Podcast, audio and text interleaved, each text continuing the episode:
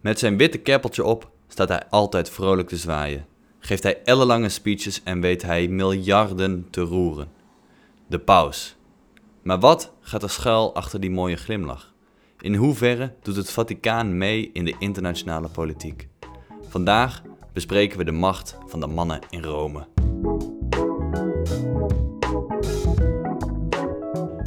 Dit is met een korreltje zout. In deze podcast nemen we je wekelijks mee naar internationale obscuriteiten en geopolitieke uithoeken. Ongezouten, maar met smaak. Wij zijn Max en Auke. Welkom.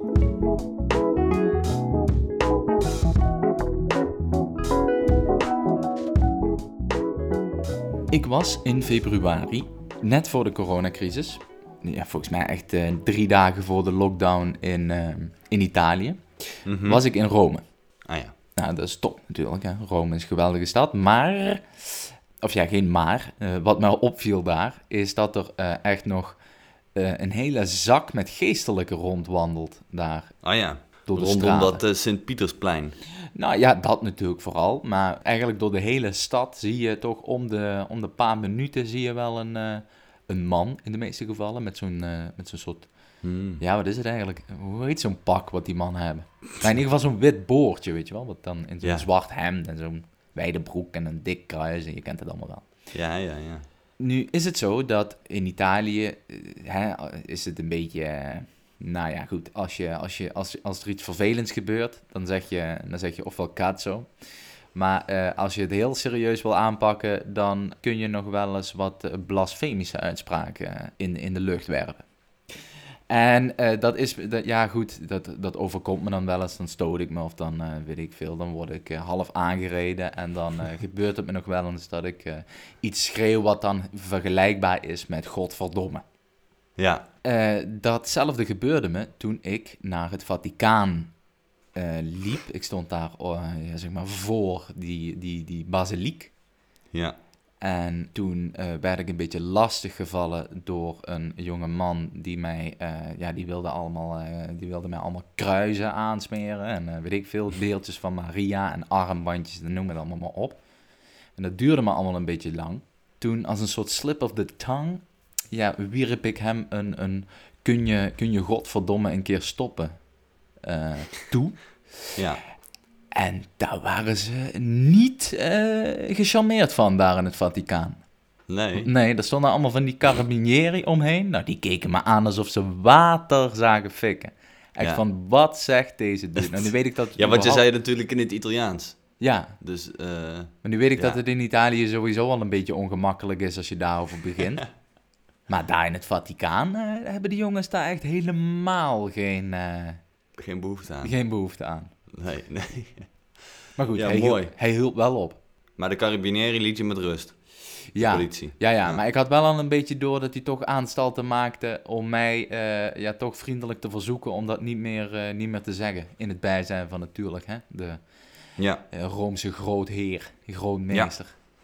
Nou, dit is- stipt wel iets moois aan, want vandaag willen we het natuurlijk hebben over het Vaticaan. En wat, ja, wat is dat voor rare entiteit, land en hoezo hebben zij veel macht? Hebben ze veel macht? Maar dit, eh, deze kleine anekdote laat meteen al zien dat er toch wel iets raars aan de hand is. Want het Mhm. Vaticaan, ja, dat, dat zullen de meeste mensen wel weten, is natuurlijk een eigen land. Eh waar het niet dat het het kleinste land ter wereld is. Ik geloof eh, drie voetbalvelden groot. Het heeft natuurlijk wel een geinige geschiedenis. Althans, ze zijn natuurlijk al, al een jaar of 2000 aan het aankloten daar. Ehm, Noem dat maar aankloten, 1,2 miljard volgers. nou, daar, komen wij met onze podcast eh, bijna. bijna, Bijna. bijna. aan. Ja. Nee, ja, ze zijn, maar het ding is, ze zijn pas sinds 1929, dus nog niet eens 100 jaar, zijn ze echt een land. Eh, het land hoe, hoe ze nu zijn. Daarvoor had je natuurlijk de Papal States. Eh, die waren een stuk groter. Dat was helemaal een soort ja, midden-Italië bezaten zij. Die zijn zo teruggevochten door de jaren heen. En die zijn, uiteindelijk heeft de, poop zich, eh, de paus zich dan eh, verstopt in het Vaticaan. Een muur eromheen, hoppatee. En zich daar dan ja, gehuisvest. Het was altijd al wel het soort van het, het, hoofdkwartier van die, eh, van die mannen. Dus die paus die heeft een jaar of zestig zich verstopt in het Vaticaan. Er waren vijf pauzen in totaal. Ja, die gaan natuurlijk dood en dan komt er weer een nieuwe.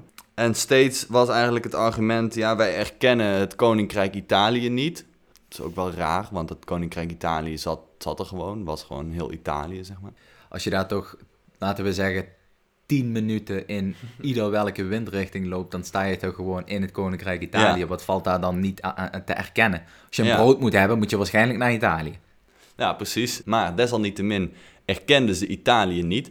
Maar tegelijkertijd klaagden ze steen en been over het feit dat ze gevangen waren in Italië. Dus het was een soort contradictie eh, die, ze, die ze volhielden. Maar wat was het dan Ehm, het punt met die Italianen? Hadden die, hoe kan het nou zijn dat het de meest roomse, of het meest roomse land, met het, laten we zeggen, het meest Mhm. roomse bestuur, zo in de clinch ligt met, eh, met het Vaticaan? Ja, kijk, je moet bedenken dat dat nu eh, allemaal eh, een soort vriendschapsbond is. Maar jarenlang was het Vaticaan, of de, de, de Papal States, was, niet, was natuurlijk gewoon een, een, een echt een land met gewoon harde diplomatie. En dan hebben we het dus over, eh, ja, dit, dit gaat dus tot 1929. Toen was het allemaal gewoon veel, veel harder en hadden ze niet zoveel met elkaar van doen. Uiteindelijk, ja, toen, toen is het dus opgelost in 1929. Toen was, ja, vriend van de podcast, Benito Mussolini eh, aan de macht. Ja, en die had wel genoeg van dat gezeik. En die wilde ook gewoon eindelijk dat die paus, die toch wel hè, een redelijke volging had eh, in Italië en in de rest van Europa, dat die een keer aan zijn zijde kwam te staan. Mhm. Dus eh, ze hebben een eh, verdrag afgesloten waarin Mussolini dan verklaarde, nou dat stukje grond daar in het centrum van Rome, dat, dat maken we een, eh, een soevereine staat, dat mag jij hebben. Op een paar voorwaarden, Niet mekkeren? niet mekkeren en je absoluut niet met politiek bemoeien of oorlog. Daar kwam er natuurlijk, had hij goed over nagedacht, want ja, dat was 1929, enkele jaren later begon natuurlijk de we- Tweede Wereldoorlog. Mhm. Eh, en die paus moest toen gewoon eh mondje dicht houden. Een orga- organisatorisch wonderkind hoor, die eh, Benito Mussolini. Juist, heeft hij, goed, heeft hij goed geregeld. Ja, en dan heb je dus de paus, die was tevreden. En daarmee alle Rooms-Katholieken in de wereld. Nou, en dat waren er nogal wat. Tegenwoordig wordt er geschat, volgens de kerk zelf, 1,2 miljard. Ik denk dat dat wel een, denk dat dat wel een redelijke schatting is, toch? Ja. ja, kijk, ik denk dat je... eh, ben jij gedoopt? Ik ben niet gedoopt. Kijk, in, in Brabant en Limburg lopen natuurlijk nog wel redelijk wat mensen rond die gedoopt zijn... maar die, die voor de rest nooit een kerk binnen zijn geweest. Ja, nee, maar ik denk dat Brabant en Limburg ook niet eh, de, de, de Rooms-Katholieke centra zijn van, van deze wereld. Ik denk dat als je naar Zuid-Amerika gaat, of je gaat dat naar, ja, nou, bijvoorbeeld hè, bij, eh, de- deze podcast, eh, die, die stamt eigenlijk uit, eh, uit Italië. Dat, eh, dat zijn toch wel redelijk katholieke landen. Ik denk dat de anekdote die ik hè, in, in het begin van deze podcast vertelde, wel een beetje aangeeft Mhm. in hoeverre zij zich nog bezighouden met het Roomse katholicisme. Ja, absoluut. Ja, en daarom laten we laten we eens ehm, s- soebatten over ja, hoe machtig die paus nou is. Ja, Want juist. het is me wat. Dat is misschien wel even leuk eh, voor de, voor de luisteraar. Het, het Vaticaan is wel een van de dingen waar wij ons af en toe eh, tijdens het drinken van een glas bier eh, het, hoofd, het hoofd over breken. Want wat Ja. is nou het geval met die mannen? Ja, mannen zeg ik, het zijn over het algemeen mannen. Dat staat op Ja, Wikipedia. volgens mij zijn het letterlijk, als, je, als je een beetje afrondt, Mhm. is 100% van de, van de bevolking van het Vaticaan man. Nee, dat is niet helemaal een waar. stuk of drie. Er zijn wel Nee? vrouwen. Nee, de verdeling man-vrouw, Ja. eh, ja, die is een beetje ongelukkig, maar er staat wel... Ja, goed, maakt trouwens toch niet uit, want eh, die moeten allemaal celibaat zijn, eh, die gasten daar. Dus ja, Ja. man-vrouw, maakt allemaal niks Ja. uit. Maar even los daarvan, zij hebben een... en daar komen we weer, hè, internationale betrekkingen, je kent het wel, VN. Een speciale status Ja, in de VN. ja. Ehm, hoe, hoe zit dat? Zij zijn, hoe dat dan in mooie VN-termen heet, een permanent observer state. Dus dat houdt in dat ze wel eh, altijd aanwezig mogen zijn. En soms ook mee mogen debatteren over zaken. Eh, maar zij hebben geen stemrecht. Ze Mhm. mogen niet over eh, resoluties stemmen. Nee? Nee, dus ah. zij hebben hetzelfde als Palestina, heeft ook deze status. Mhm. En Ehm, waarom ja. hebben zij niet gewoon een volledige status zoals iedereen? Want uiteindelijk is het een soeverein land. Ja, maar ja, dat, dat, dat is natuurlijk weer de einde, eindeloze discussie. Zijn zij echt een land? Kijk, ehm, in veel opzichten wel. Kijk, ze, ze hebben een eigen paspoort, een eigen ehm Territorium. postzegels, hun eigen territorium. Ja, maar daar wordt het natuurlijk al lastiger. Want ze hebben wel een volk, maar dat is natuurlijk totaal anders dan ieder ander volk ter wereld. Ze hebben niet een permanente bevolking die door middel van het, het natuurlijke proces van de bloemetjes en de bijtjes... eh, ja, die bevolking in stand houdt. De Ehm, bloemetjes en de bijtjes. Ja. Oké. Ze worden wel internationaal erkend, neem ik aan. Ja, ja, ja, ja. En ze hebben ook, ze hebben ook in 183 landen uit mijn hoofd hebben ze ehm, eh, ambassades zitten. Dat Mhm. vind ik nogal wat. Ehm, dan ben je geen kleine jongen. Nee. Er zijn landen met minder ambassades. Kijk, wat het landje natuurlijk raar maakt, is eigenlijk gewoon de paus.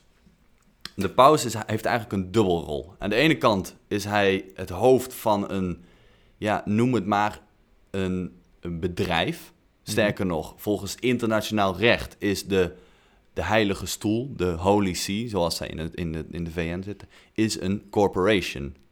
Ehm, en daar, aan het hoofd daarvan, dus de CEO daarvan, is de paus. Mhm. Ehm, en die heeft dus, dat is een redelijk groot bedrijf met als je dus 1,2 miljard volgelingen hebt. Ehm, maar dat heeft verder vrij weinig van doen met het, het, eh, ja, het, de bezigheid van een land. Want Mhm. ja, de topman van Unilever is hier niet, die, dat is geen Mark, Mark Rutte. Maar eh, ja, die paus, zoals ik zei, heeft een dubbelrol. Want naast CEO van de Katholieke Kerk Incorporated is hij ook koning. Hij is koning van Vaticaanstad. Mhm. Ja, en dat is wel mooi. Alleen heerser dus eigenlijk. Hij is, eh, hij is echt alleenheerser. En daar, daarmee, dat maakt dan ook Vaticaan meteen een van de weinige landen waar echt nog een volledige autocratie heerst. Dus hij heeft alle macht in handen. Hij kan Mhm. iedere wet eh, met een druk op de knop eh, de prullenbak ingooien. Het lijkt me dat ze dus Ehm. om die reden ook geen onderdeel kunnen zijn van de Europese Unie. Ja, precies. Ja, het zijn geen democraten. Ze zijn. eh, ja, ja, het is een beetje raar, want hij is natuurlijk wel democratisch verkozen door die kardinalen. Eh, maar vervolgens krijgt hij alle macht en kan hij letterlijk doen en laten wat hij wil. Ehm, ja, is hij democratisch verkozen? Dat moet je je afvragen, hè? als je het maar aan 1% van de bevolking vraagt. Want van die 800 mensen zijn er nou, nou, een, een, een, Ja, een veertigtal kardinalen die dan beslissen. Dus 5% van de bevolking heeft stemrecht. Dus Ja, democratisch eh, is natuurlijk iets anders. nou, een soort van democratie, een soort semi-democratie dan. Ja, ja. Het is natuurlijk moeilijk om te bepalen, in het geval van, die, van de Vatican State, eh, eh, hoeveel macht zij dus nog echt hebben. Zeg maar, aantoonbare macht. Hè? Dus wat zij nog allemaal kunnen, eh, kunnen bewerkstelligen met hè, zowel dat bedrijf, de katholieke kerk, als ja, de, de, de, Ja. de eh, observer status die ze hebben in de VN. Maar Ja. eh, eh, daartegenover staat wel dat zij natuurlijk ongeveer de hoofdrol spelen in ieder welke samenzweringstheorie Ja. die een soort globalistische overname van de kabal en weet ik veel wat voor Joods Ja. sentiment allemaal. Ja, Dan Brown heeft dus een carrière wel aan te leen, denk ik. kunnen we ergens even gewoon voor de feiten vaststellen wat zij nou allemaal doen? Of gaat dat simpelweg niet? Ja, kijk, harde feiten is in het geval van het Vaticaan heel lastig. Want zij zijn gewoon het, het toonbeeld van wat je dan in de internationale betrekkingen soft power noemt. Dat is het tegenovergestelde van hard power, heb ik vorige week al heel kort uitgelegd. Maar wat het dus simpelweg inhoudt, zij hebben geen eh, ja, kernbommen en vliegdekschepen. En ze kunnen niet op het internationale speelveld hun, hun, hun spierballen tonen. En allemaal landen binnenvallen en daar dan de democratie eh, opdrukken. Nou, dat lukt ze dus niet. Dus zij zijn heer en meester in het tegenovergestelde. En dat is dan soft power.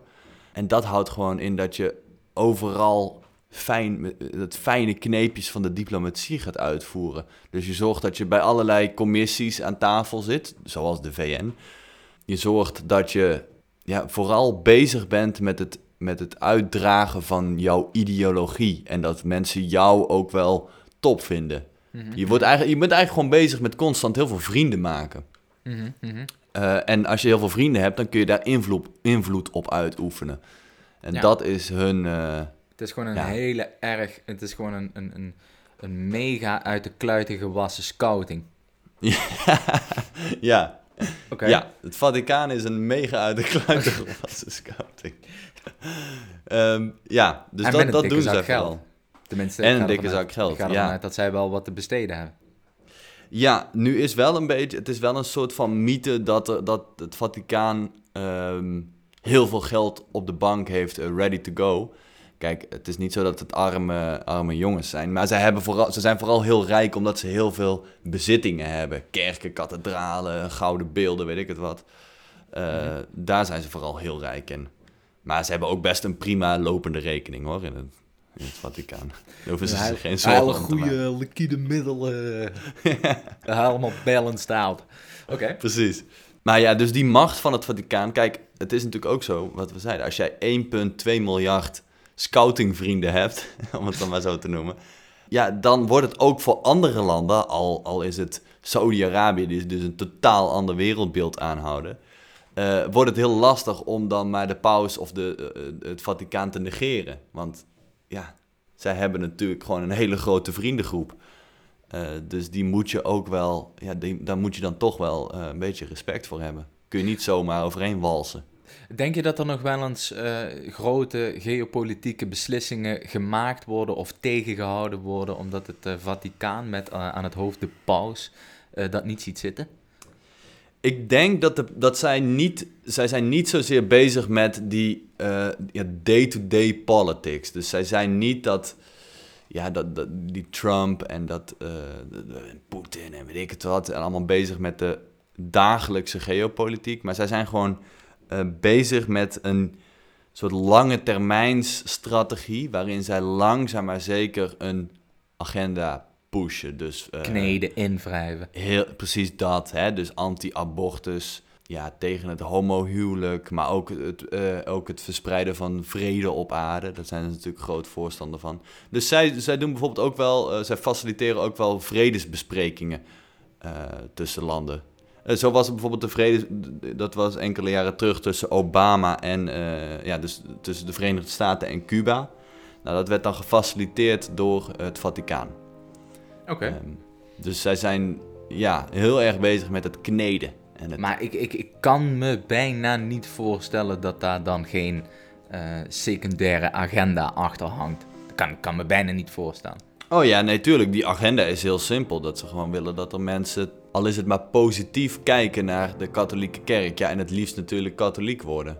Eh, maar dat is, wel, dat is gewoon echt iets van de lange termijn. Want je gaat niet... je- Ja, het is heel lastig om natuurlijk een, een bevolking van de maandag op de dinsdag in één keer allemaal Rooms-katholiek te maken.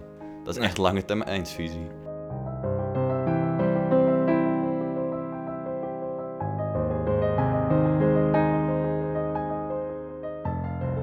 Hey, weet je trouwens dat ik hem gezien heb, een keer live, de huidige Echt? paus? Ja, in de pausmobiel nota bene, in eh, Genua. Franciscus. Eh, ja, ik dacht, eh, ga een dagje gezellig naar Genua. En bleek hij daar ook te zijn. Dus ik weet niet of hij mij, wow. ik weet niet of hij mij wilde zien of, of, of whatever. het was in ieder geval toevallig. Maar het is daar dan druk. Oeh, jongens toch. Als die paus ergens zijn gezicht laat zien, dan, dan Ja. heb ik het idee alsof de halve wereldbevolking eh erop uittrekt om die man Nou, eh, ja. in levende lijven te mogen aanschouwen. In ieder geval, ik heb hem gezien. Wow. En eh volgens Maar jij kon dus dichtbij genoeg komen? Of, ja, of heb je hem echt op 500 meter afstand gezien? Ja, dat zal het wel geweest zijn. Een meter of 200. Maar ik heb ook wel een beetje het idee dat deze paus dan weer net even een soort ander Ja, figuur is dan iedere voorgaande paus. Die er misschien een iets Ja. minder conservatieve eh, ja, houding op, op, op, op nahoudt. nou dan zou ik hier even ongegeneerd een Netflix-film willen, willen pluggen. Two. Popes heet die. Dat gaat over die eh, periode dat eh Ratzinger was toen Mhm. paus. En die is toen afgetreden, wat natuurlijk totaal ongebruikelijk was. Was in 600 jaar niet, niet eerder voorgekomen. Ehm, en dat geeft wel een soort beeld achter de schermen van hoe dat nou gaat. Want die, die kerk had ook door, we hebben een soort vernieuwend... Ja, dus, zij zijn natuurlijk ultra conservatief, maar ze hadden wel door dat, er, ja, dat ze misschien te conservatief bezig waren. En dat ze misschien een iets modernere ehm, paus nodig hadden. Ja, Mhm. hij, is, hij is mega populair. Ik ben ooit in, eh, in Buenos Aires geweest. Ja, daar was hij een... Ja, wat is het? Een, een een soort Michael Jackson, Justin Bieber, noem maar op wat voor celebrity hij was. Dat, dat, dat ging nergens over. Mhm. Overal hingen kalenders en posters en, en kettingen en dingen van hem. Kon je Mhm. overal, op iedere hoek van de straat kon je iets van hem kopen. In tegenstelling Dat- misschien wel tot Italië, want dat, of in ieder geval zeker in Zuid-Italië, heeft, is, meer eh, San Gennaro en, en, en, en, Mm. en, en, en Saint Pio, die worden meer vereerd dan echt die paus. Ja, in Italië heeft natuurlijk ieder, ieder stadje of dorpje zijn eigen eh sint. Heilige. Minder. Ja, Een heilige, juist, juist.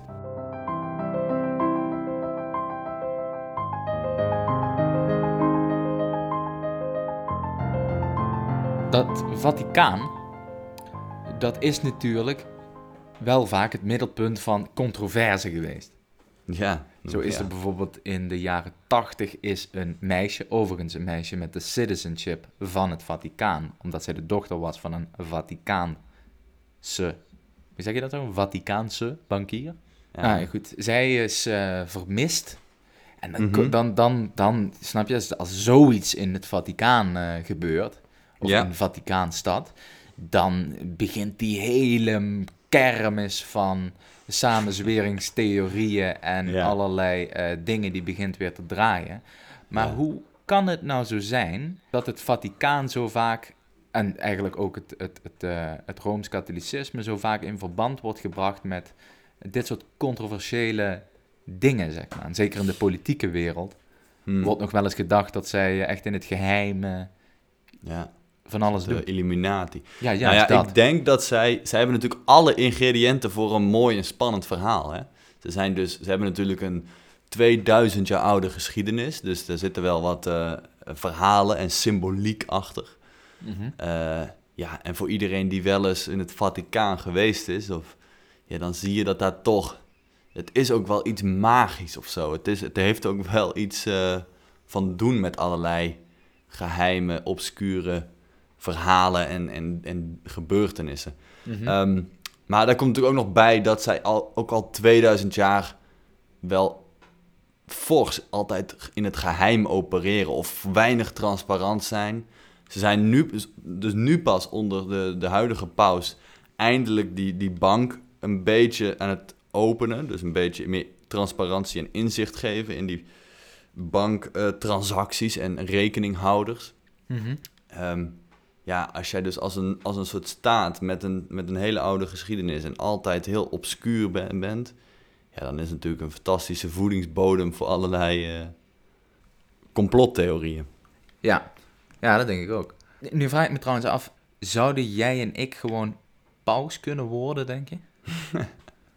Nou, ja. Ik denk dat eh, er wel wat is voor jou namelijk, paus. Jij hebt wel een Ja, soort gezalfde, gezalfde manier van spreken. Dat is wel goed voor die podcast, eh, luistercijfers. Nee, volgens mij is het gewoon een, eh, ja, climb the ladder. Het is in principe dus wat dat betreft gewoon een, eh, een corporation. Dus je begint als... Schoonmaker. ja, Ja, ik neem aan dat je wel gewoon, weet ik veel, pastoor en dan bisschop en dan kardinaal en dan Ja. uiteindelijk paus moet zijn.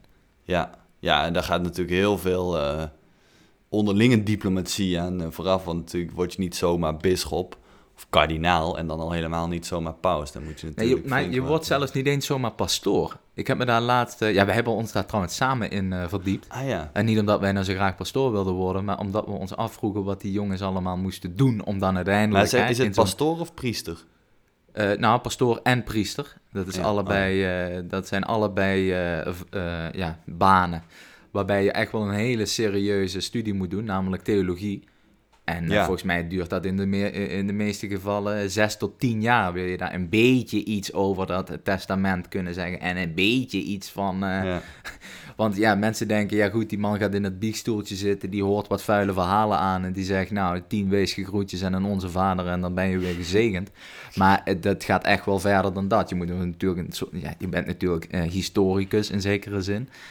En je moet natuurlijk verstand hebben van al die eh, theologische zaken. Dus je bent in principe ook een soort eh, filosoof, hè?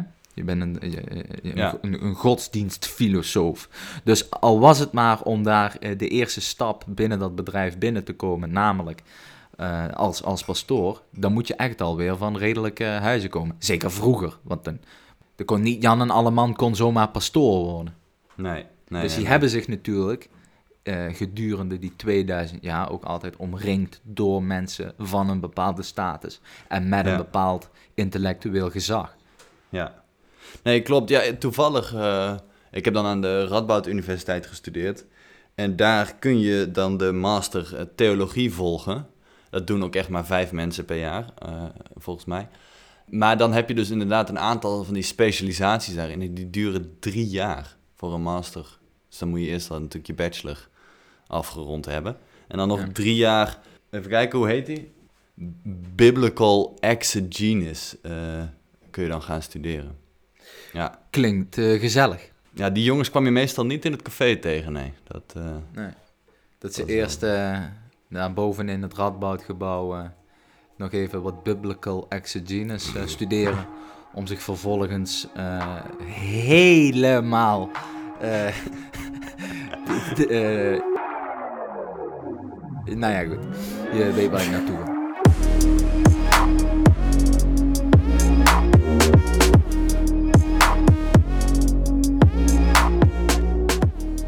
Nou, eh, ja goed, buitengewoon boeiend. Alleen het jammere van het hele verhaal is natuurlijk dat je geen enkele claim die enigszins aan controverse gebonden is hard kunt maken, omdat het allemaal zo sinister en duister is bij die man. ja, ja.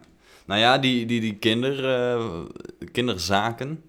Die komen nu toch wel langzaam maar zeker steeds meer bovendrijven. Hè? Ik geloof dat er eh, in Australië, die kardinaal was de nummer twee in het Vaticaan, die is veroordeeld.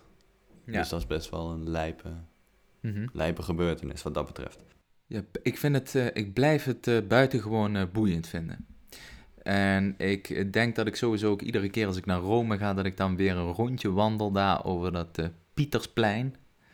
Eh, of hoe, ja, hoe noemen ze het eigenlijk? Sint-Pietersplein? Het Sint-Pietersplein. Ja. Ehm, want het, het, blijft een, het blijft een magische plek. Het blijft een, een, een- symbolische plek. Vonden jullie dit nou ook interessant? Dan moeten jullie naar www.petje.af slash korreltjesuit. En wat kunnen jullie daar doen? Daar kunnen jullie ons financieel steunen door jullie petje af te nemen. Eh, en dat zou ons ontzettend helpen om dit hele feest eh, gaande te houden.